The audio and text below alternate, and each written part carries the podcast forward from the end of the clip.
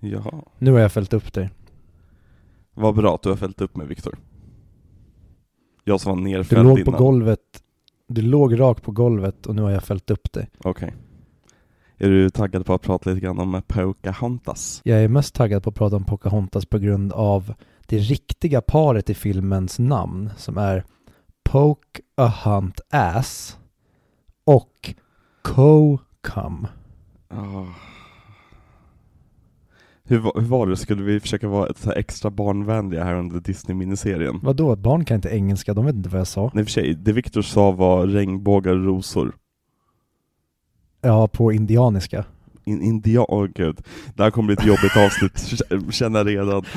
Så, som tur var så finns det inga kontroversiella skådespelare med i den här filmen i alla fall. Nej, det är ju tur det. Ja, verkligen.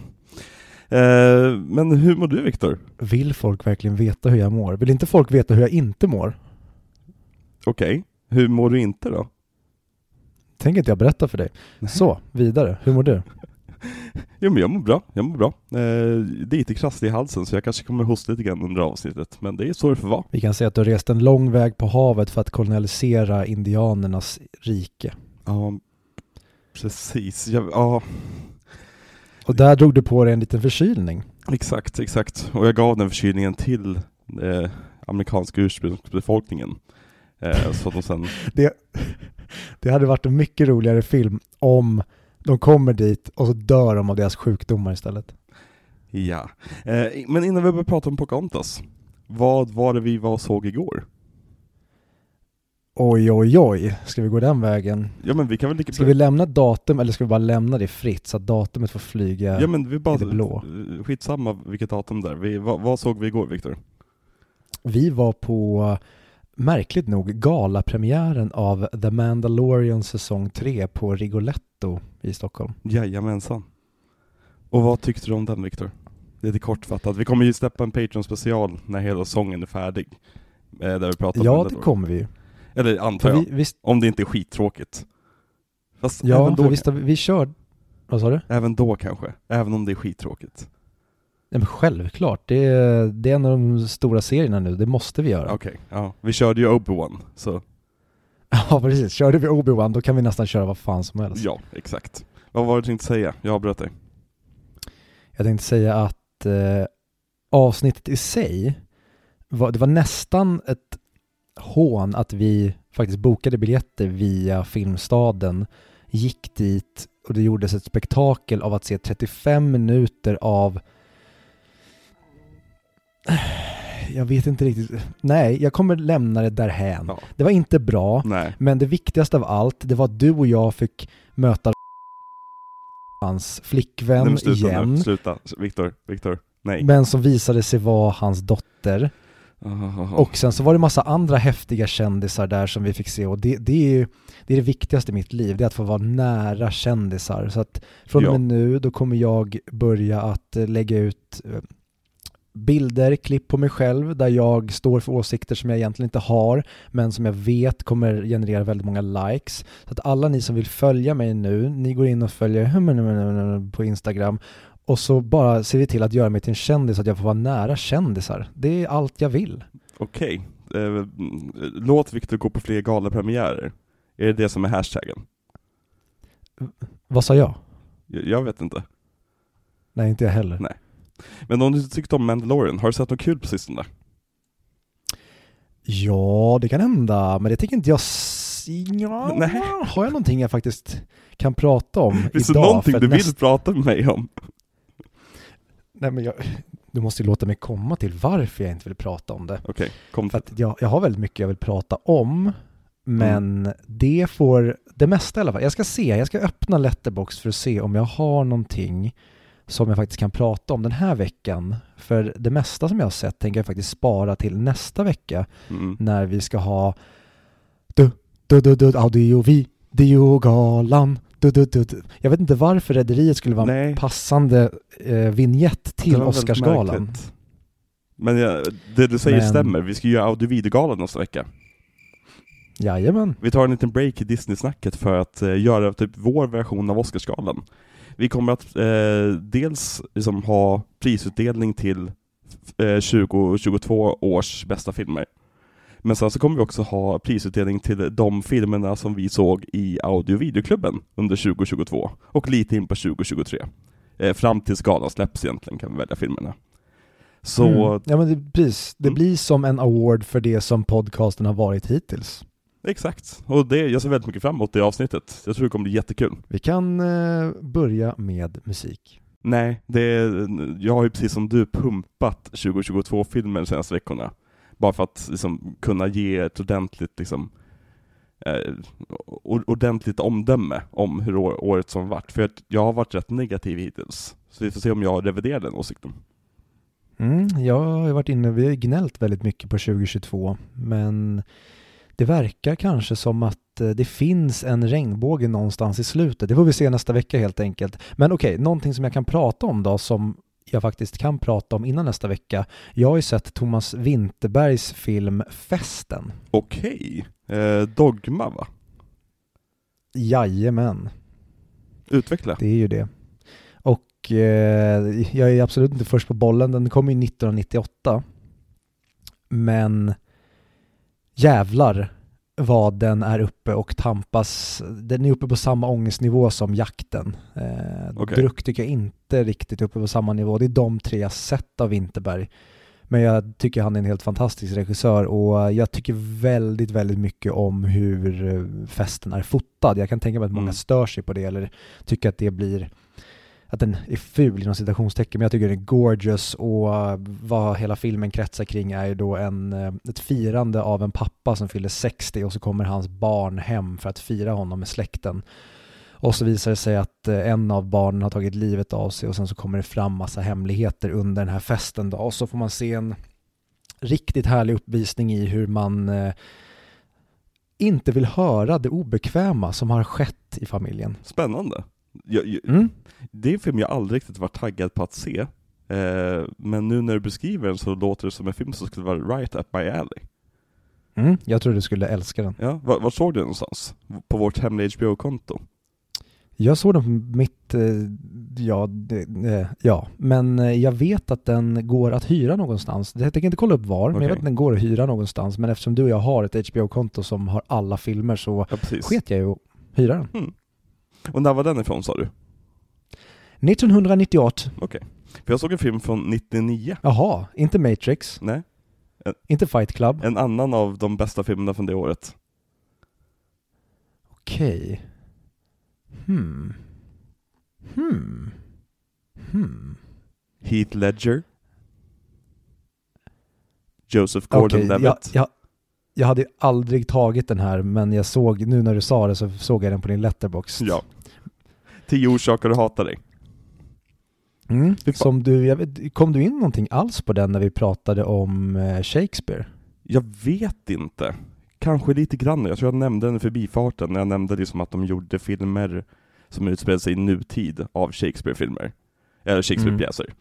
Men jag älskar den filmen. Alltså jag tycker den är så jäkla charmig. Alltså varenda scen är rolig att kolla på och den är fylld av så många intressanta, eller intressanta, men så här roliga detaljer. Som den här pappan till exempel som eh, är livrädd för att sina döttrar ska bli gravid. Och tvingar dem gå i den här, ja, lösmagen och grejer. Eh, ja, nej, underbar film. Har du sett den? Jag har sett den, men det var väldigt, väldigt länge sedan och jag buntade länge ihop den med andra random bara. Jag, jag typ tänkte på den som en random typ college eller high school film. Bara så här, en amerikansk nästan vad ska man säga, okej, inte riktigt som American Pie, men Mm. åt det hållet. Det är så jag tänkt på den länge. Mm. Nej men alltså den, den, det är lite grann community över hela. Att på ytan är den rätt standard. Men den är fylld med så mycket liksom rolig och intressant humor. Att den liksom, blir bara, det är underbart att se den. Så jag kan starkt rekommendera den någon kväll. Se den med Becka. Mm. Jag eh, är faktiskt sugen på att se om Ja. den. Och den finns på Disney+. Plus. Oh la la, Ja, det är mycket lättare än saker finns på Disney+. Plus. de säger det. Jag såg också Men in Black, eh, för typ första gången på tio år. Hörru, så där säger man inte. Man säger Men in African American, Män i afrosvenskar. okej. Men jag såg Men, Men in Det Black. blev helt plötsligt en helt annan film. Jag såg Men in Black.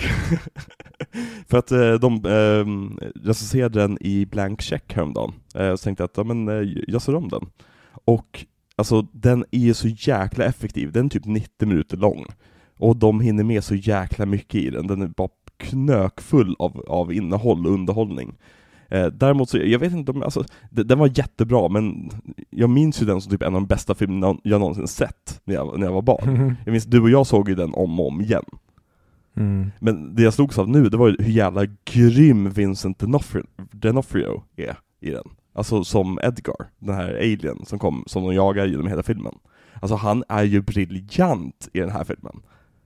Han. Jag hade faktiskt ingen aning om tills för något år sedan när jag läste att det var han som gjorde den rollen, Mm. att det faktiskt var han. Nej, nej alltså det, han är helt oigenkännlig. Det, nej, han, är, han är svingrym.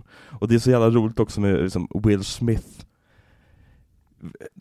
När, när han, det här är precis när han håller på och breakar, när han har precis varit med i Independence Day och blivit liksom USAs största liksom, eh, heartthrob eh, för stunden. Och så bara kommer han med den här och bara dundrar in målet kan man säga det som. Jag vet inte, det, det är intressant att se honom just i det här som vändningsögonblicket när han blev som USAs största filmstjärna.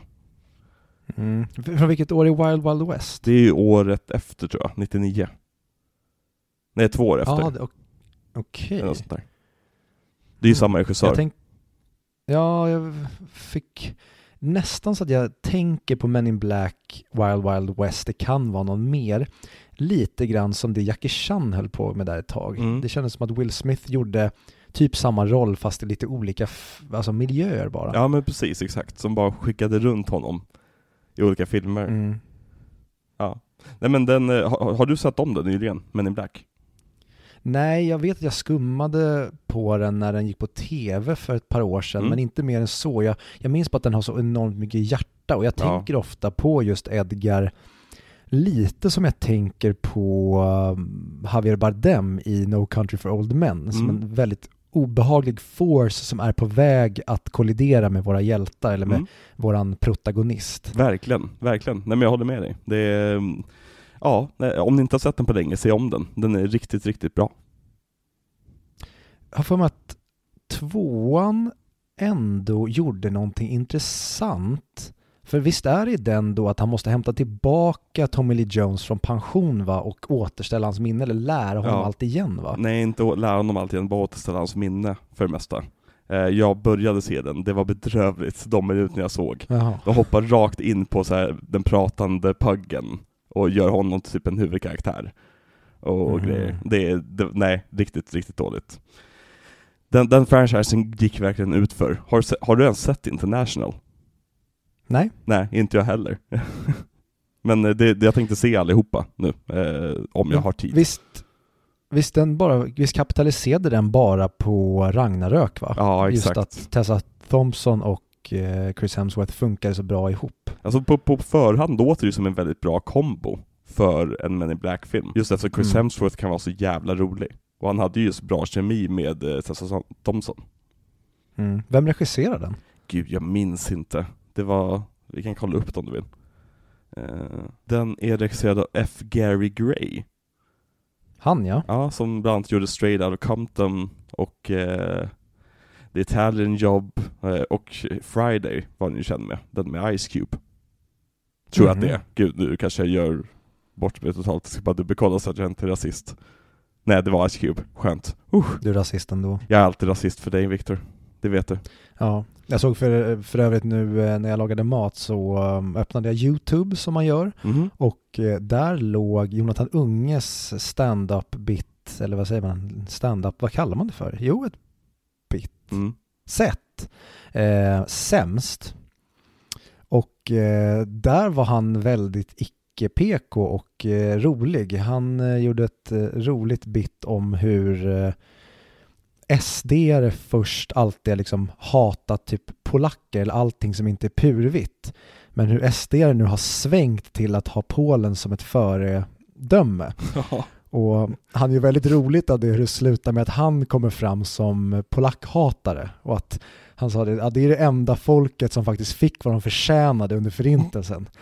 Okej. Och det finns ett par riktigt, där han bara slår från ingenstans. Han målar, målar fram, eller vad säger målar fram, målar upp eh, Jonas Sjöstedt som att Jonas Sjöstedt, för att han skrev, han skrev en deckare som tydligen blev toksågad av alla. Mhm. Och hans respons på det var att han skrev en uppföljare. Och då går, får Jonathan Unge det till att, för att det var någon komiker som hade blivit metooad för att han hade gått upp till en tjej på en festival och börjat pulla henne. Mhm. Och då sa han att, ja men Jonas Sjöstedt, han hade säkert kunnat, med hans självförtroende skulle han ringa över Rihanna och ta en kaffe med henne och sen efter tio minuter hade han pullat henne. Mm. Och det, ja, det går söderut väldigt fort men det är väldigt roligt. Så jag kan rekommendera 20, 22 minuter av, om man gillar Jonathan Unge så är det bara att se honom vara helt dum i huvudet som han är underbar. på. Mm. Vad hette det? Sämst med E. Mm. Och det fanns på Youtube sa du? Ja. Ja. Kul. Mm. Men från ett folkmord till ett annat. Välkomna tillbaka till Audio Videoklubben. Audio Videoklubben är en väldigt bra podcast. Audio Videoklubben är en väldigt bra podcast. Audio Videoklubben är en väldigt bra podcast. Så om du lyssnar vidare får du kanske höra någonting stötande och blötande. Visste du att. Alfons pappa ska vara typ så här 35? Ja, och jag tycker eh, det finns ju en rolig mall eller vad man kallar det, en liten bild där de har eh, visat vilka kläder det är han har på sig, Ja. vad det är för loafers han har och tröja och det är kul att han bara bär märkesgrejer från de absolut dyraste modehusen i världen. Ja. Men ja, idag ska vi prata om Pocahontas och ja, musiken låter väldigt lik Alfons Åberg. Ehm, det, det finns en anledning och det kanske jag kommer prata om i eh, vår Patreon, eller min Patreon special om musiken i, det här, i den här filmen. Nej men jag kan avslöja det, det är för att ehm, Smith är ju Alfons som vuxen. Ja, okej, så han åker tillbaka i tiden. Det är därför han är så empatisk. Ja. Ja, okej, ja. Fast Alfons är ett jävla svin. Ja. Nej vet du, Alfons är ju, vad heter han? Ehm, skurken, jag minns inte ens vad han heter. Radcliffe. Radcliffe heter han ju för fan. Det Daniel. Radcliffe. Da- Daniel Radcliffe, oh jag hade älskat om han hade gjort rösten till honom. Ja. Istället är det ju eh, Cogsworth som gör rösten till honom. Jaha, Ja. och på svenska är det Claude Frollo. Ja men det är samma, det är samma, nej nej det är inte alls samma, förlåt, sorry. Eh, nu blandar jag ihop igen. Eh. Ja men Pocahontas ska vi prata om. Från 1996 är den från va? 95 va? 95 till och med. Och vi bara hoppar rakt in på det. Vad har du för relation till den här filmen Viktor? Du, eh, det är inte, det är ingen jätterelation jag har till den faktiskt. Jag eh, försökte faktiskt på något sätt tänka så här, kan jag, kan jag stoppa in den någonstans i min uppväxt eller finns det någonting? Men det är den här spin-off-serien vill jag minnas som gick på Disney Channel. Spin-off-serien? Jag har för mig att det fanns en, eller så var det en Pocahontas 2-film som gick varmt där. Som hade mycket mer av djuren. Mhm. Men det, kan, alltså det är alldeles för svagt för att jag skulle, skulle kunna sätta en pin i det på något sätt.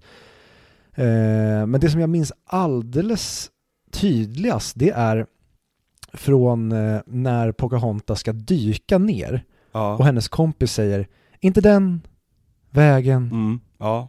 Och jag tror att det måste vara från en av de, den här trailer-collagen som de hade inför på VHS-kassetten. Men du hade väl Lejonkungen? På VHS? Det borde jag haft. Jag hade i alla fall Lejonkungen, det där var ju Pocahontas-trailern innan. Och då var just, Aha. inte den vägen, det, alltså det hörde man ju varje gång man slog på Lejonkungen, för att det var ju nästa film som skulle komma. All right. Så jag tror att det är därför vi har hört det så många gånger, för jag re- reagerar också på samma sak, och det finns vissa saker också i eh, Colors of the Wind, där som Ja. sekvenser ur den som man verkligen kan utan till. Ja, ver- verkligen, Ja. verkligen. Men vad då så att när du nu kollade den på engelska sa han det? Inte den vägen. Exakt, det var ett jättemärkligt psykedeliskt ögonblick, men jag vet inte, det var Alltså det föranleddes av att eh, John Smith bara vände sig mot mig på skärmen och började ranta antisemitiskt och liksom började hota sin fru och grejer. Det var en väldigt märklig tittning av den här filmen tycker jag. Mm, men jag tycker det höjde filmen. Ja, ja men exakt, ja, men det är vad du tycker. Det, det, det är vad jag tycker jag. Ja, men vad tyckte du om den filmen kortfattat den här gången? Den var inte så bra faktiskt tyvärr. Mhm. det var en, eh, den är, den är okej. Det, men jag typ, fan, jättesvårt att säga egentligen. Jag, Mm. jag tycker om några låtar, alltså typ eh, Gräv, gräv, gräver gräv. Den är ju charmig och kul på det sättet, men egentligen det enda jag tar med mig från den här filmen som jag tycker de gör så bra som de bara kan, det är ju eh, vinden, vad heter den? Colors of the Wind, vad heter ja, den? precis. Färger Ja. i en vind. Ja, alltså det, det är ju en av de bästa Disney-låtarna. Sen är det svårt att ranka den när man Ja. väl ska plocka fram alla sen. Men Men det ska den vi göra också. 5 av 5. Ja, precis. Men den är verkligen 5 av 5. Den är helt jävla fantastisk. Ja, den, den, den är otrolig. Eh, men vi kan prata lite grann om musiken senare. Eh, men min, min relation till filmen, det är alltså, det här är också en, en av de jag hade på VHS. Så jag har sett den här, inte lika många gånger som Lejonkungen, eh, precis som typ Bernard och Bianca i Australien. Men jag har ändå sett den väldigt många gånger, eh, så den ligger mig rätt varmt om hjärtat. Men det jag kommer eh, på varje gång jag ser om den, och jag har sett om den några gånger nu, i vuxen ålder, det är att den är så kort. Och den är så fattig. Eh, och det reagerar jag alltid på. Jag håller verkligen med. Den är ju bara en timme och en kvart lång. Nej, men den hade med lätthet kunnat vara 20 minuter längre, så vi fick liksom utveckla karaktärerna så att det verkligen känns på slutet, för att den har väldigt många bra delar och väldigt många bra scener, och den är väldigt vackert animerad, och den är, den är bra röstskådespelad, och det är bra låtar i den. Det bara behövs mer för att den ska kännas som någonting annat än typ en kortfilm. Jag håller med dig till 100%. Jag tycker inte den är så jäkla vackert animerad. Jag Mm. tycker den ser väldigt platt ut eh, när man ställer Lejonkungen bredvid och det är ju otacksamt att komma efter Lejonkungen. Den här kanske borde ha kommit innan då Ja, för att inte ha den att eh, följa upp. Men jag håller med dig. Jag får egentligen inte känsla för någon. Jag knappt Pocahontas heller. Och jag tycker relationen till exempel med hennes pappa och Coquam Ja. och allt det och även kompisen. Det känns som att vi får 30 sekunder tillsammans med varje karaktär nästan och sen är filmen slut och ja. det var det. Och den här filmen har ju det här otyget som Disney-filmer börjar med vid det här laget nu, är att eh, djurvännerna ska få så jävla mycket utrymme att vara goofy. Mhm. Och det, visst det är jättekul när man är barn, och det här är barnfilmer, så fine. Men för oss som vuxna blir det väldigt, väldigt tråkigt när man bara ska se två djur jaga varandra en liten stund. Jo men och, och tillbaka till Lejonkungen då, eller till och med till Skönheten och odjuret, eller till och med skulle man kunna säga det om Lilla Sjöjungfrun. Där integrerar de, om de nu ska ha sådana här lite barnsligare moment, de integrerar så himla bra i filmen så att vi inte tas ur det. Men här är det uppenbart att det, eller, jag tycker att det stinker sälja leksaker på ett sätt som jag inte tycker Ja. att det har luktat på samma sätt tidigare. Men den, den här filmen kom ju ur att de ville göra en Romeo och Julia-film. Och de ville Mhm. göra en film av Pocahontas-historien. För Pocahontas är ju egentligen ett barn. Alltså i verkliga livet var hon ju ett barn när det här hände. Och de blev ju inte kära i varandra. Hon blev ju kär i en, i en senare person som kom. Eh, men eh, så Katzenberg, han var ju besatt av att ha en till, eh, ska säga, en till kärleksfilm efter Skönheten och odjurets framgångar. Så han ville ju egentligen att, eh, han ville egentligen göra Lejonkungen till Romeo och Julia också. Men det var alldeles för sent i produktionen för att klämma in det där. Så det var verkligen, som, det, var, så, det var kul att du sa att det här hade mått bra av att släppas in av Lejonkungen, för att det är precis det eh, Jeffrey Katzenberg ville att skulle hända också. För att han ville tjäna pengar på det, som att åh, en till Skönheten och odjuret. Eh, så han satte ju också sitt A-team på den här filmen, medan B-teamet som vi var inne på förra veckan, de fick göra Lejonkungen.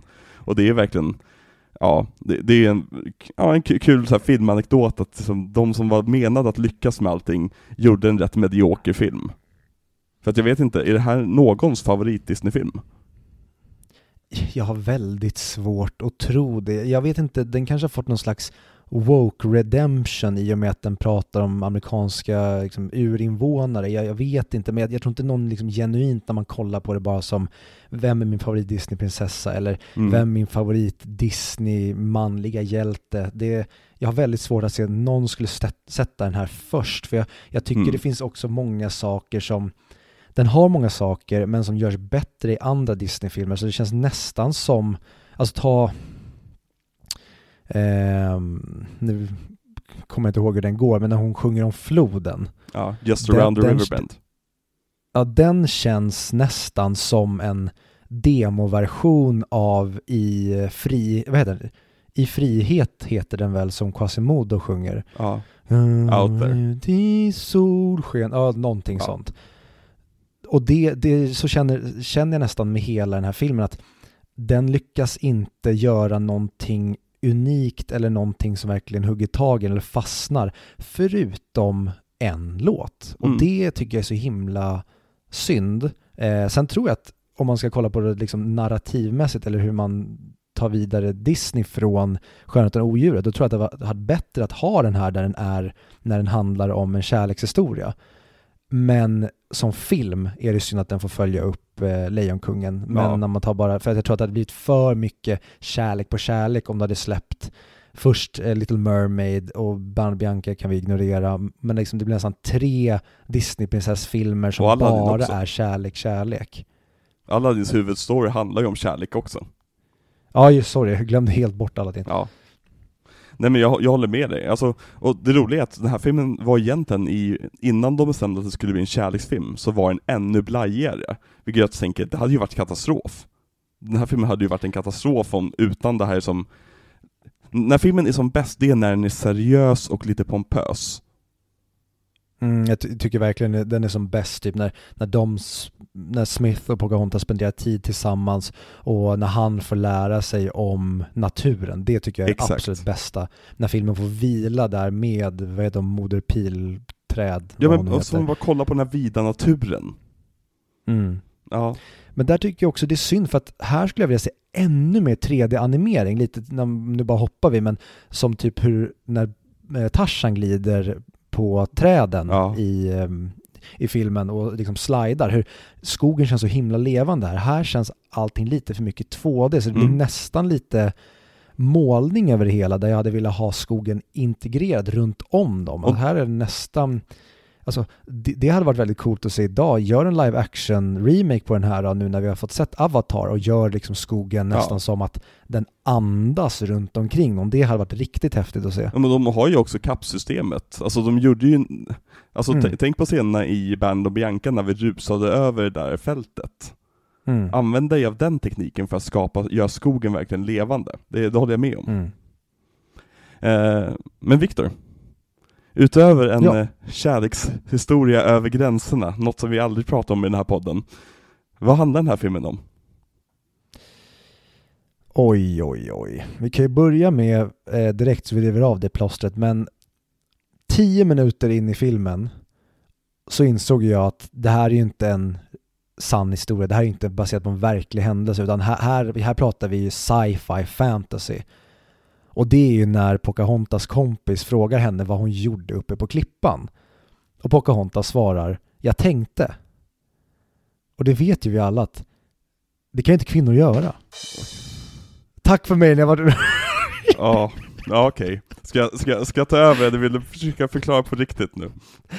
Okej, så här. Tänk på att vi har massvis av nya lyssnare. Vi vill inte skrämma bort dem. Det här, va, varje, varje avsnitt är någons potentiellt första avsnitt och därför måste ni få känna på precis hur obehaglig den här resan skulle kunna vara. Och om jag låter dig säga vad du vill så blir varje avsnitt potentiellt någon sista avsnitt också. Det blir potentiellt mitt sista avsnitt för jag kommer hamna på kåken. Ja, verkligen. Okej, ge ett nytt försök utan att vara misogyn. Okej, så här. Det finns en plats långt borta från civilisationen.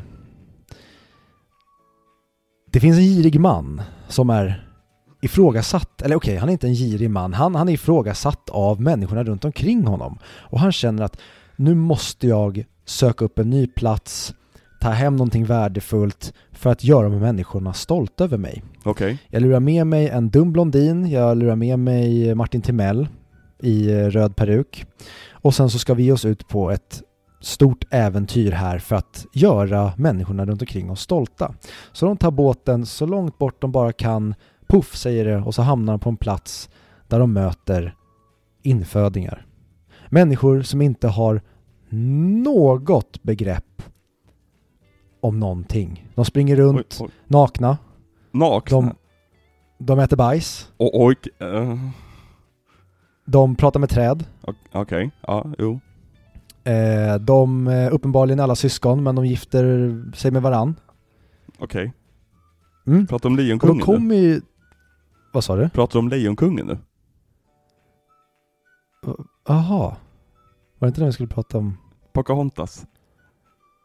Ah, okej. Ja, men... Eh, ah, det, det passar in ungefär i samma mall. Jag kör vidare. Ja. Vi, vi, ser, vi ser hur långt det här kan bära då.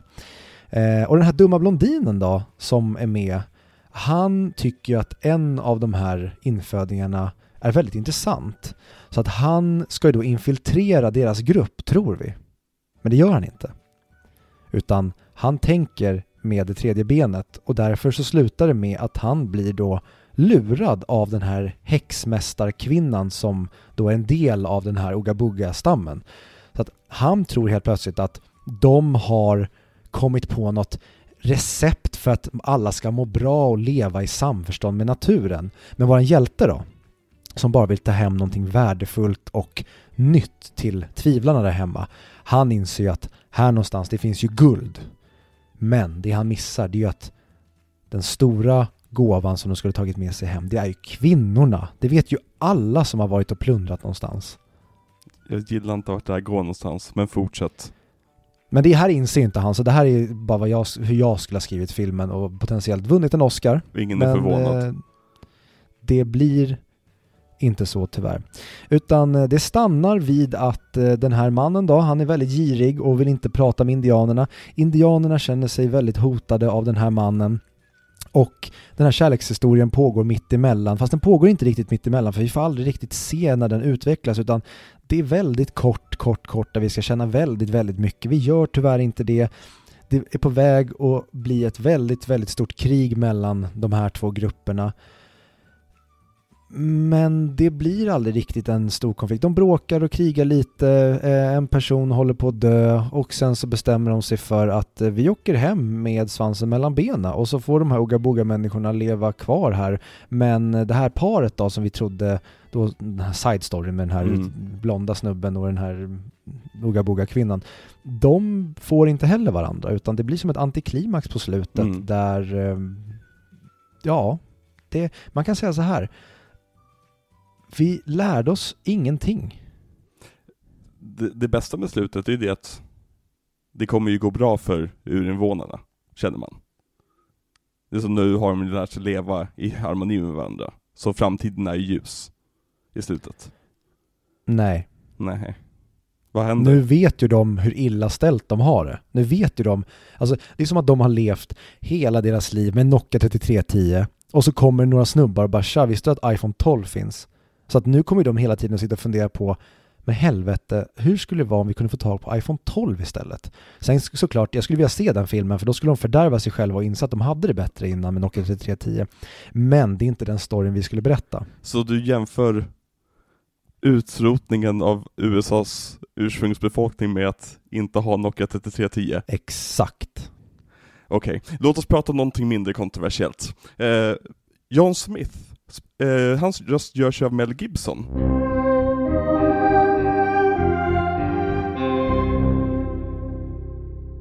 Jag tänkte, precis som med Arnold Schwarzenegger så är det alltid intressant att kolla på vart, folks, eh, vart man kommer ifrån. Eh, så jag kollade på lite grann om, om, eh, om eh, Mel Gibsons pappa. Nej! Mel Gibsons pappa är ju då eh, veteran från andra världskriget. Fråga mig inte vilken sida. Och- Jo, vilken sida? ja, jänkarna. Det, det var ett skämt. Eh, Jaha, jag trodde han var tysk. och han är också Jeopardy-vinnare 1968. Nej, jag trodde ju att Mel Gibsons pappa var från Österrike och bästa kompis med Gustav Schwarzenegger. Ah. Eh, man skulle nästan kunna tro att de var bästa kompisar, för eh, Mel Gibsons pappa, eh, Hutton Gibson, är ju då en väldigt, väldigt känd antisemit. Eh, som har eh, luftat väldigt vidriga åsikter om både det ena och det andra, någonting som hans son verkar ha tagit efter. Du vet att det går aldrig att tvätta ur, alltså det var ju därför Pol Pot slog bebisars huvuden mot träd. Det var ju för att han visste ju det här. Det går tyvärr inte att göra någonting åt avkomman. Är, är pappan smutsig, då kommer sonen vara smutsig. Vad är det de säger i Jo, det är Harry Potter 3 för att citera um, Marge, Ja. heter hon ju. Hon säger If there's something wrong with the bitch, there's something wrong with the pup. Och så tappar Harry det av någon jävla anledning. Ja, okej, låt oss, vem, vem gör röster på svenska? Vi måste styra upp det här. Har du någon aning? Nej. Det är Tommy Black Smith. Smith! Nilsson menar jag! Va? Jaha, ja, Tommy Nilsson. Vänta, är inte Tommy han, Nilsson. inte han metooad? Nej, är han? Nu ska vi googla här. Tommy Nilsson. metoo. Nej, han har inte blivit metooad. Än. Ska vi se till att han blir det? Nej, nej snälla. Vi, vi lämnar folk i fred. Okej, men Tommy Nilsson, okej, hur, hur är han som John Smith? Vi kan eh, börja med musik. Alltså han eh, sjunger ju jättebra. Så på de bitarna Mm. levererar han kanon. Men tyvärr tycker jag inte att han är en så bra skådis. Framförallt, jag tycker inte han är en så bra röstskådis. Det känns inte riktigt som att han tror på det han säger, utan det känns mer som att han försöker spela en karaktär. Mhm, ja det, det hatar jag. Alltså, vissa är, vissa, alltså röstskådespeleri är en väldigt svår konst. För du måste verkligen låta integrerad med det runt omkring dig på ett sätt när du inte vet vad som finns runt omkring dig. Verkligen, och framförallt när du ska, för alltså, ta komedi, ta South Park eller Family Guy, eller när vi pratar humor, då, då går det ändå att göra det så att man inte riktigt tror på det för att det, det är också humor. Men när du ska göra en sån här allvarlig, alltså ta Björn Skifs eller Tom Hanks Ja. som Woody. Då måste du, du måste ju leverera, alltså du måste ju verkligen vara Woody. Du Ja. kan inte prata som att du vore en cowboydocka, du måste vara cowboydockan. Precis. Och det tycker jag är tyvärr, det, det, kan ju sabba en hel film bara av att ha en av huvudkaraktärerna prata som någon som Ja, men ta Tommy Nilsson, det känns verkligen på förhand som att han tycker att det är lite larvigt. Mm. Så att han, han lajvar John Smith och bara Nej men Pocahontas, du, eh, du kanske inte borde gå den vägen. Och då hör man direkt hur han är lite, han är lite bakåtlutad Ja. snarare än framåtlutad i sin effort. Man hör att han inte har samma ansiktsuttryck i ansiktet som karaktären har. Ja, Ja. Jag- tycker Mel Gibson är samma faktiskt i den här filmen. Det är Mhm. kanske, Tom Nilsson kanske bara försökte härma Mel Gibsons eh, kvalitet. Men eh, jag tycker inte Mel Gibson är särskilt bra alls i den här filmen. Eh, ja, ja, exakt samma som du säger. Det kändes som att han tog, inte tog det riktigt på allvar. Och är, Mel Gibson, han, han har ju en väldigt intressant karriär just det här året. För han vann ju en Oscar för Best Director och Best Picture för Braveheart samma år som Pocahontas kom. Åh shit, har du sett om Braveheart nyligen? relativt nyligen och jag älskar den fortfarande. Och jag vet att folk ogillar den starkt, men jag blir bara så jävla hänförd varje gång jag ser det. Jag tycker det är så jävla kul att kolla på. Mm. Ja, ja, mitt största problem med Braveheart är ju att det är Mel Gibson som spelar huvudrollen. När det, det känns som att det är en gubbe som springer runt och låtsas vara typ 20 och det funkar inte alls för Det är mig. det som är roligt med filmen. Jo men det ska inte vara roligt, det ska vara mörk Jag vet, och det det spelar ska roll vara vad det ska vara, det spelar roll vad jag får ut från det. Ja, men- Ja, okej. Om det, då, då har vi många andra filmer som är fantastiska men som inte ska vara fantastiska. Ja, som det The Room. Fantastiska. Ja, jo men precis. Om man jämför Braveheart och The Room på samma sätt, då absolut, då är Braveheart fantastisk. Bara med en gigantisk budget. Det är skitkul. Det är som Mm. ett stort practical joke på Mel Gibson mot, ja jag vet inte. Eh, Men vad tycker du om Mel Gibson i övrigt? Har du någon relation till Mel Gibson? Främst från uh, Dödligt vapen-filmerna. Jag har aldrig sett en enda Dödligt vapenfilm. V- vänta, hur fan kan du ha missat? Du Ja, växte ju praktiskt taget upp i mitt hem. jag vet, jag vet, jag vet. Eh, jag borde ha sett dem, men eh, nej, jag har aldrig, alltså jag, jag har väl sett bitat här och där, liksom I'm too old for this shit och så vidare. Men jag har liksom, Mm. nej, jag har all, aldrig satt mig ner och kollat på dem. Det är inte vad jag minns. Det skulle kunna vara en Mm. intressant miniserie. Faktiskt. Ja. Det... En annan intressant Mm. miniserie hade varit Mel Gibsons regifilmer. Hur många har han gjort? Fem? Det kan vi kolla upp rätt snabbt. Eh, jag tror det är fem eller sex, något sånt där. Och det är rätt intressanta filmer, det är, som det, det är inte... Eh, The Man Without a Face från 93, Braveheart från 95, Passion of the Christ från 90, eh, 2004, Apocalypto från 2006 och Hacksaw Ridge från 2016. Det är fem filmer. Ja, alltså det, det är ingen det är ingen katalog som får kittlas i pungen på mig men just den som jag nog hade varit mest taggad, eller de två som absolut hade varit mest intressant att se om, det är ju Passion of the Christ och eh, Apocalypto. Aldrig Men sett. Jag såg den när den kom och det var inte den filmen jag trodde att det var. Apocalypto? Ja, Mm, jag minns att väldigt många Ja. blev besvikna på den filmen för de trodde att det skulle vara mycket mer actionfilm. jag tänkte mig att åh, det här är någon slags apornas planet-ish shit. Här ska vi få se någonting häftigt, alltså mer åt blockbuster-hållet Ja. och inte så himla allvarligt. Nej. Men har du sett The Patriot? Eh, ja. Vad tycker du om den? Minns du den filmen? Ja, men du och jag, när vi, vi kollade ju på um, eh, Hacksaw Ridge tänkte jag säga, Cape Fear nyligen. Ja. Eller det är inte så nyligen, det var i höstas. Ja. Men då eh, så kollade ju du och jag, vi, som vi brukar göra när vi ska välja en film och se, så vi brukar ju lägga filmerna i bakhuvudet säger Ja. vi. Några som läggs i en lista för att eventuellt kollas på. Och då var ju Patriot, den eh, var ju den vi skulle se väldigt länge tills vi stötte på Cape Fear. Ja. Och jag är rädd för att se om den, men jag skulle väldigt gärna vilja se om den för jag tror att den kan ha åldrats väldigt väl. För jag minns den som överseriös, Mm. men att det typ funkar. Men jag är också rädd för att det inte ska funka. Det är en typisk TV4-film. Ja. Det känns som att den gick på TV4 hela tiden. Men jag, jag tycker om den, jag har den på Blu-ray som sagt. Eh, jag ser om den rätt, eh, relativt ofta, typ annat år. Eh, för också, så jävla högt produktionsvärde. Alltså, sådana filmer görs inte längre, och, och görs de så görs det med liksom 100% CGI. Så jag tycker bara så kul att se just, och Braveheart blir bättre bara på grund av de filmerna som kommer idag, tycker jag.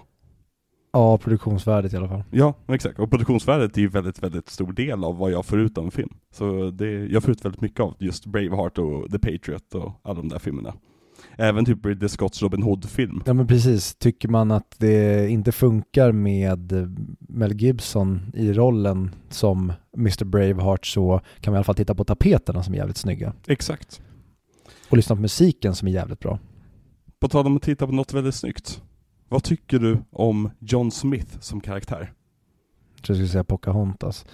Eh, nej men han är ganska platt tyvärr och lite som jag sa innan, här känns det som att de har embryot till Phoebus. Från eh, Ringen Notre Dame? Ja, Mhm, mm. att här har de det som, okej vi har ett skal här till Phoebus som de sen får till i Ringen Notre Dame, vill jag minnas. Jag har inte sett om den Nej. på många år nu, men jag vill minnas honom som väldigt, väldigt charmig och som verkligen den, the knight in shiny armor. Vilket- Mm. Men jag tycker tyvärr att John Smith är lite, han är inte en dum blondin, men han är, han är lite platt och känns lite, Ja men det är ju, lite bakom flötet. alltså jag, jag har det verkligen, alltså det är en väldigt, väldigt tom karaktär som inte har så jättemycket karaktär i sig. Nej. Utan alltså Pocahontas, och vi kan ju gå in på henne nu på en gång också, hon är ju en rätt utflashad karaktär. Hon är typ den enda karaktären i filmen som är utflashad, förutom Radcliffe typ. Eh, Ja, Och jag tycker Pocahontas är en jättebra karaktär, och liksom där man verkligen känner att det finns en person där inne. Jag tror mycket att John Smith får offra, alltså i och med att filmen är så kort, så får John Smith-karaktären offra väldigt mycket för att bara vara liksom ögongodis för Pocahontas att, att eh, typ projicera på. Ja, och det hade, alltså lite så är det väl med liksom Eric i Little Mermaid också. Ja. Men där försöker de inte göra honom till en huvudperson på samma sätt. Här känns det ju som att vi, vi följer med John till deras land. Med en Little Mermaid, då följer vi med Ariel till Erics land. Så att Mm. det, det borde nästan vara att, att vi aldrig får se någonting av John Smith och deras, liksom, vad heter de, Virginia Company, Ja, precis. Att när de reser, utan de borde bara dyka upp som någonting obehagligt snarare tycker jag. Det hade gjort kanske honom mer intressant också. Nu blir det nästan som att både John och Pocahontas ska vara våra huvudkaraktärer och då tycker jag inte att han funkar alls. Ja, men det blir lite grann som att han är vår Harry Potter i början av filmen, är det att vi ska se världen genom hans ögon. Men samtidigt Mm. är den mer intresserad av att se världen ur Pocahontas ögon. Och det blir Mm. som att filmen inte kan bestämma sig för vilket perspektiv som är det mest intressanta. Och i och med att filmen bara är 80 minuter lång, så blir det som att de två perspektiven bråkar med varandra snarare än att vara i harmoni med varandra. Så jag tycker att om, för att liksom rädda den här filmen lite grann då, så skulle man kunna fokusera på antingen den ena eller den andra. Mm. Nej, jag håller med dig. Det är verkligen, det är som att två personer står och bråkar och bussen åker snart. Så här, Hallå, vi har inte tid att Ja. bråka och sen vips åkte bussen. Verkligen. Jaha, då, ni två bråkade, vi fick inte någonting av er. Nej. Nej men, vad, vad tycker du om Pocahontas som karaktär? Jag tycker hon är kanon, alltså verkligen. Det mm, hon, hon skiner och det är, mm, utan henne hade den här filmen varit alltså, verkligen tråkig. Men Ja. jag gillar att hon är, hon vill inte vara det som hon är född till att vara, men det är Nej. inte riktigt född till att vara det heller, utan det är mer hennes pappas önskan för att hennes mamma har dött, men det är enda sättet som han typ har lite leverage på henne där, det är för att han ger henne ett halsband, så finns det inte riktigt motivation till varför det skulle vara så. Det känns inte som att filmen riktigt har bestämt sig för, den är lite luddig på alla plan. Mm. Och det känns inte riktigt som att hennes pappa tycker, alltså, vill att han, hon ska gifta sig med Coquam så mycket som, det hade nästan varit bättre om han hade varit som den, alltså lite som Triton, att han nästan låser in henne och blir obehaglig och att det kanske slutar med att hon nästan blir typ ihjälbränd av Ratcliffe och hans gäng för att han låser in henne och Ja. han inser att det, det, det, vi kommer inte så långt i den här filmen som du säger. Den är alldeles för lövtunn. Så att, men jag tycker att Pocahontas är det som de egentligen hon, hon kommer allra, allra längst. Säg, att resten, all, resten av filmen kommer till 2 av 5, förutom sången. Så kommer Pocahontas till 4 av 5 och det blir som att hon Mm. drar upp resten till en 3 av 5. Ja, nej men jag håller med. Det är, jag, alltså Pocahontas är typ min MVP i den här filmen, eventuellt. Mm. För att hon är, hon är typ den, alltså i brist på annat, hon är de facto lite grann. Ja, okej. Min MVP är ju Martin Timell. Martin Timell, vilken roll gör han?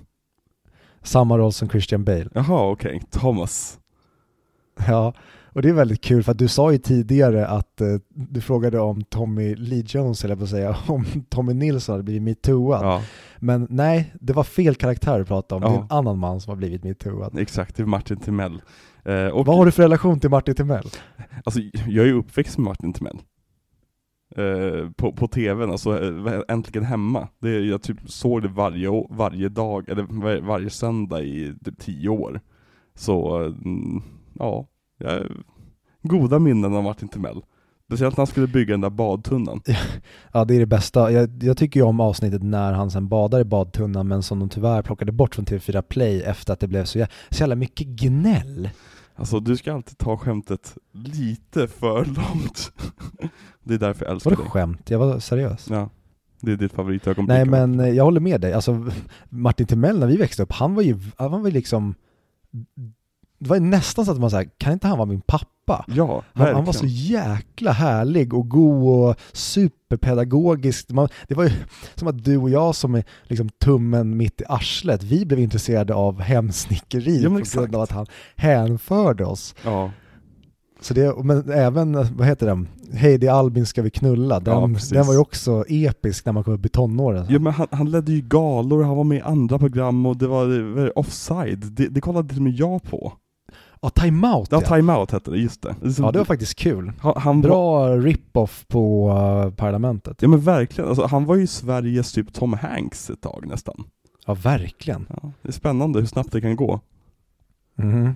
Ja. Men, Det eh, går fort i badtunnan. ja. men vad tycker du om eh, Governor Radcliffe i den här filmen? Han är, jätte, han är nästan uppe på samma nivå som Pocahontas. Det är en vä- väldigt bra skurk för att Ja. han, han, är ond inom citationstecken men han har fortfarande motiv som inte är bara att jag är ond utan han har ju ett, ett rykte på spel här och det Mm. gör ju att han har en väldigt bra motivation. Han vill ju inte komma hem tomhänt Nej. och liksom bli verkligen utkickad ur finrummen. Och han Så var ju det, inte jag beslagen av om vad, spanjorerna heller liksom. Nej, precis. Och det, jag tycker det, det gör honom gott när han blir verkligen eh, dum-dum mot liksom filmens slut. Men det gör ju väldigt mycket också att han pratas av samma röst som Frollo för den, jag vet inte vad han röstskådespelaren heter men han är helt fantastisk. Han borde ju Mm. nästan prata varenda skurk förutom när Dan Ekborg får prata de lite mer goofy skurkarna. Eller eh, Anders Ekborg. Eller Anders Ekborg. Nu förvirrar jag bara för, för att förvirra. Nej, men jag, jag håller med dig om Radcliffe, alltså jag tycker han det är ingen skurk som jag minns liksom mellan tittningarna, men när jag väl ser den så säger gud vad han är kul och charmig. Alltså att kolla Mm. på. Och det, han, det är en karismatisk karaktär och det är en kul och intressant liksom, karaktärsform de har satt på honom. Den här liksom, klotformade karln med det här otroligt fula ansiktet. Ehm, ja, Mm. nej, jag, jag, jag, jag gillar Radcliffe. Han är inte riktigt min MVP. Det är en annan karaktär som är min MVP i den här filmen.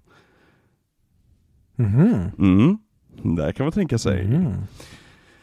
Thomas var vi lite grann inne på. Martin Timell, hur, hur, hur gör han sitt jobb? Är, är han bra som Thomas? För Thomas är ju en rätt platt karaktär och lite så här dum-naiv, tycker jag. Ja, alltså han gör väl det han ska. Det, I och med att han inte är så central, han han ska ju ha en viktig roll, alltså han ska ju kunna vara ganska avgörande men jag tycker inte riktigt att han blir det och Nej. jo men Martin Timell gör väl ett stabilt jobb, han, han får inte så jättemycket att göra men han gör okej. Mm. Christian Bale gör ju honom på engelska, vilket är också så här rätt sjukt. Eh, Det känns som att han har lånat David Harbors tidsmaskin. Mhm. Lite grann. Och han, han är rätt dålig i filmen också. Det, det, han, han, det, lå, det hörs verkligen att han röstskådespelar. Och han försöker låta yngre än vad han är. Liksom såhär Oh no John, don't do that! Det är väldigt, väldigt roligt. Det är underbart. Vet du vad han borde sagt när han kom tillbaka till eh, Radcliffe? När vadå? They're a gang of psychopaths. Jag vet inte vad du syftar på. Vad är det där för film? Har ingen aning. Nej, Kommer det, aldrig prata om den. det är en film vi aldrig kommer prata om i den här podcasten. Speciellt inte som nästa miniserie. Never! Aldrig i livet. Never. Ehm, vart var vi någonstans? Eh, Grandmother Willow. Vad tycker du om Grandmother Willow? Eh, där snackar vi o, vad säger man, outforskad mark. Jag hade velat se en film där, där Smith och Pocahontas bara går på en fet jävla tripp och Mhm. eh, Mother Willow bara guidar dem genom Ewa. Verkligen, det, ja exakt. Det blir ju väldigt mycket avatar-vibbar när, när de är Mm. med Grandmother Willow.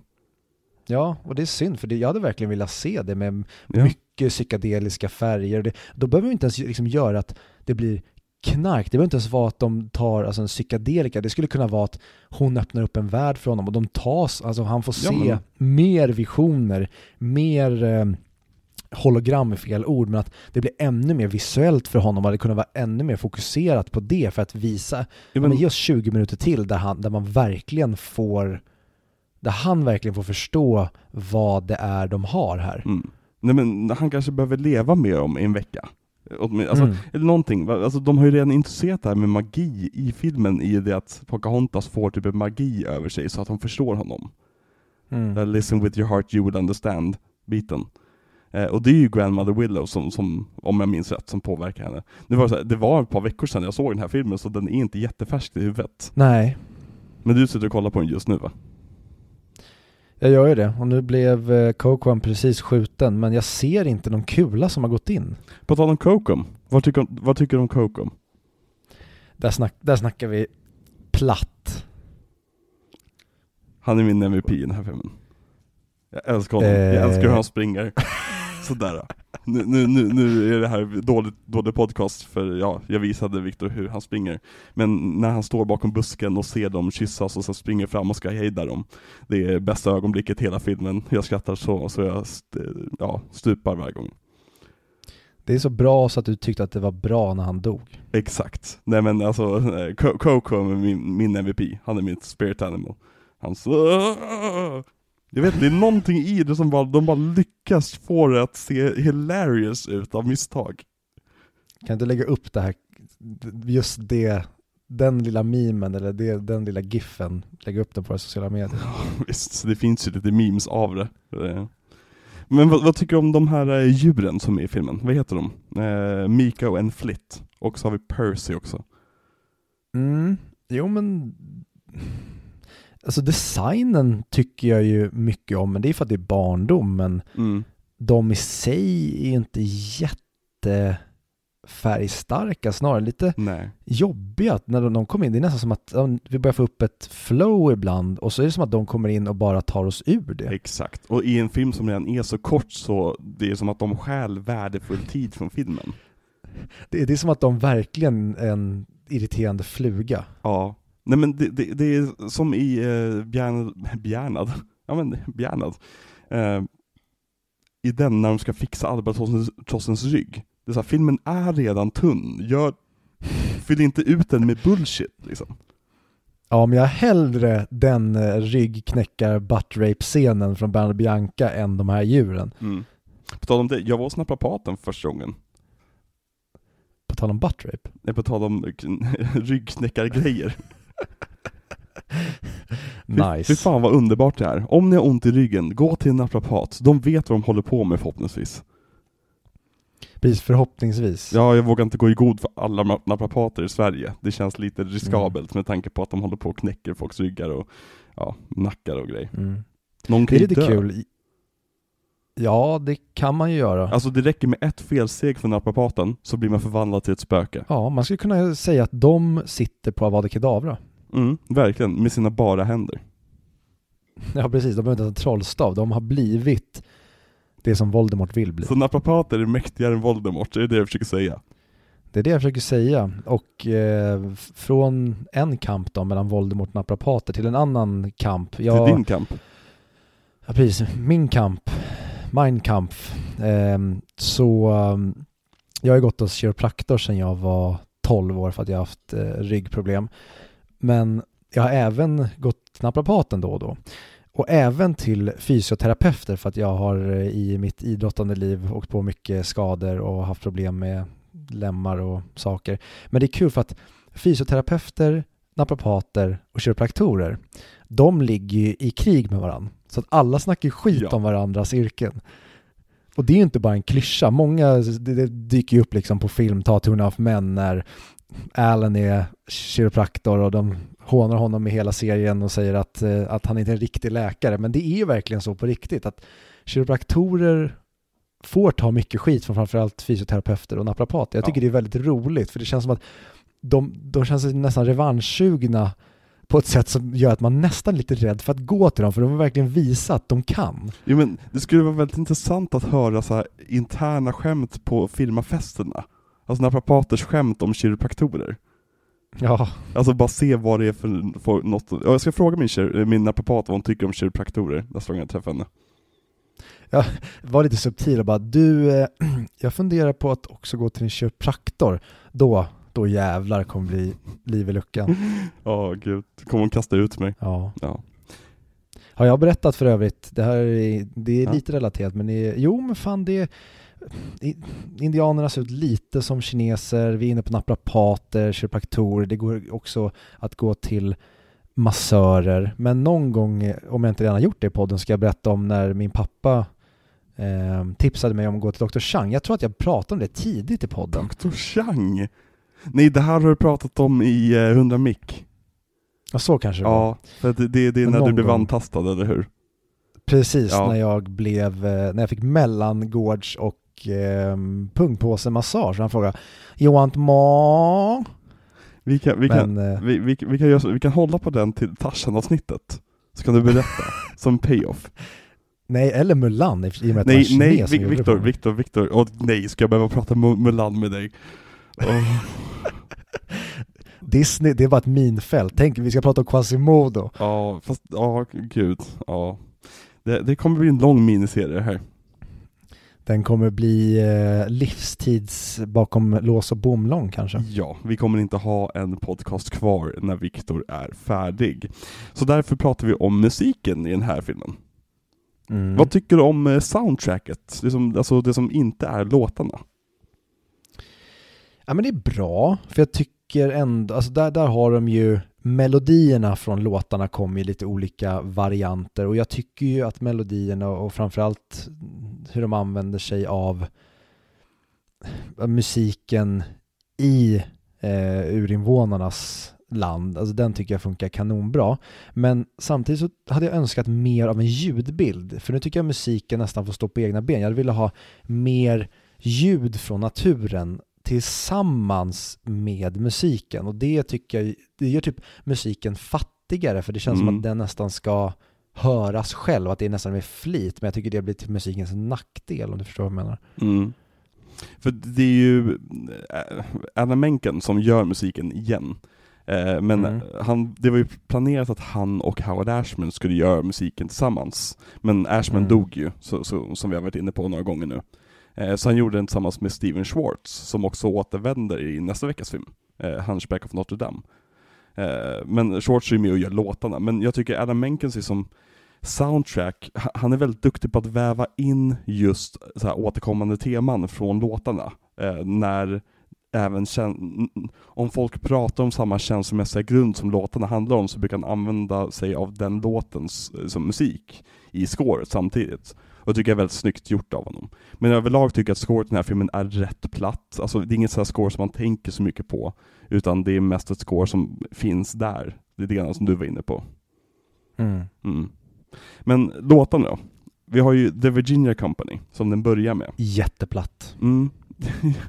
det här är en låt som jag har på hjärnan rätt ofta, men varje gång jag hör den så blir jag lite besviken. Den låter bättre i mitt huvud. Mm, förstår det. Och det känns som att den är lite för lång och det är lite för mycket av den och jag tycker hela den här introsekvensen när, när, när John Smith ska rädda den där killen som ramlar av båten, är, är, det, är, det, är det Christian Bale som ramlar av? Ja det är det väl? Ja, jag tror det. Eh, nej men jag tycker den här låten överlag är rätt medioker lite kul romp, alltså det skulle säkert kunna göras om till typ en rolig typ supervisa. Jaha. Men ja, hallå. Klipprums-Alex här. Eh, jo, eh, när inspelnings-Alex eh, exporterade filen han spelade in tillsammans med inspelnings-Viktor så visar det sig att eh, den exporterade inte alltihopa. Och det upptäcktes inte förrän Klipprums-Alex eh, skulle sätta sig med materialet. Så nu sitter vi här med eh, en, ja, 20 minuter där Viktor sitter och pratar ensam. Och eh, så här, eh, jag, jag kommer klippa upp ett litet collage av, av när, när Viktor håller lite låda eh, för er. Eh, som ja, ett avslut på avsnittet. Och om ni vill höra vad jag tycker om låtarna i den här filmen så kommer det också komma en Patreon special om musiken som vanligt. Så det är, om det var något material som skulle försvunnit så är det väl bra att det var när jag satt och pratade om musiken. Men eh, ja, eh, jag får be om ursäkt för att veckans avsnitt är lite extra kort bara. Men eh, nu får ni höra Viktors ljuva stämma när han pratar med er om till exempel Dostojevskij. Väl mött och ha det bra. Hej! Åh, jag, eh, på tal om pannkaka eller på tal om någonting annat, jag håller just nu på att eh, läser eh, Bröderna Karamazov av Dostojevskij. Och jag, jag, jag, vet inte om jag slås av det varje gång jag läser Dostojevskij, men jag hade verkligen velat se hans böcker i Disney-tappning, för det finns väldigt mycket, de hade kunnat göra liksom dark Disney, men jag hade just velat se det animerat som Disney och de hade kunnat göra mycket av det som sägs där, mycket blir nästan som poesi ibland och det hade de kunnat göra till väldigt intressanta låtar som hade kunnat få ut väldigt intressanta budskap och åsikter för många karaktärer. Så det var bara det jag ville säga. Fan vad intressant.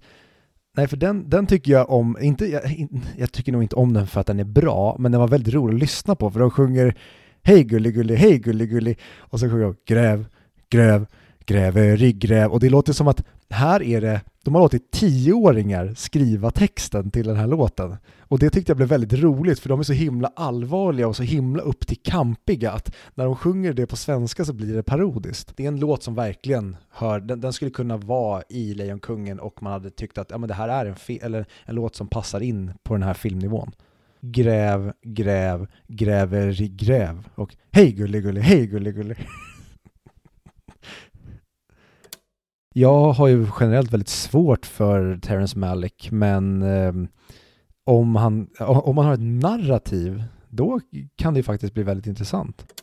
Jag tycker det är så jäkla kul att alla från vår generation ungefär, i alla fall som har varit liksom lite, lite inne på Disney och tycker om film, verkligen älskar A Goofy Movie, även fast den egentligen inte är, alltså det är ingen fantastisk film på det sättet, men den har ju enormt hjärta. Vi är ju, vi är populister. Vi vill göra det som folket vill ha. Så att kasta idéer på oss för att är det någonting ni vill ha mer av, mindre av? Vill ni att jag bara håller käften för att om jag ska sluta vara så grov, då kommer det bli så att jag är tyst i avsnitten, då får det bli så. Vi vill ju höra vad folk, alltså, vi är politikerna och vi ska göra det som folket vill ha. Vi vill föra den politiken som ni vill ha. Vi har ju eh, 25 kronors Patreon. Då lägger man 25 kronor i månaden och då så blir man en del av våran väldigt, väldigt, väldigt mörka och obehagliga nattklubb där du får ta del av ja, men massa specialavsnitt som du får som ett tack som vi egentligen gör. Egentligen är det ju bara att vi blir glada för att ni gör en frivillig donation eller blir Patreons och sen så försöker vi egentligen ge er så mycket extra material som det bara går för att vi har ju våran timeline så att säga här på huvudfiden och sen allting som är utanför det narrativet som inte ingår i miniserierna. Där försöker vi typ som ja, men vid det här laget då finns det ju en Last of Us eh, recension ute. Men sen så har vi ju då 50 kronorsnivån där du även får ett tack. Och vi har ju en eh, Patreon som vi ska tacka i avsnittet. Och det är ju din kompis och eh, min gamla barndomslagkamrat Micke Delstad som har blivit 50 kronors Patreon. Thank you very much Michael. Och sen så har vi även då en 100 kronors nivå och det som ni får då om det blir en 100 kronors Patreon det är att ni får ju välja en valfri film som vi gör ett helt avsnitt om och då får ni välja om vi ska göra ett vanligt avsnitt som det här där vi bara pratar om filmen eller om vi ska göra en DVD-kommentar där vi tittar på filmen samtidigt som vi då pratar om den. Ehm, och vi har ju då fått en ny 100 kronors Patreon. Vi har ju Dennis Hammarstedt. Så stort tack Dennis och och eh, du ska... Har Dennis valt en film? Ni är trädstammen i det piskande pilträdet som Pocahontas går till efter hon har ätit, ätit svamp. Han i badtunnan.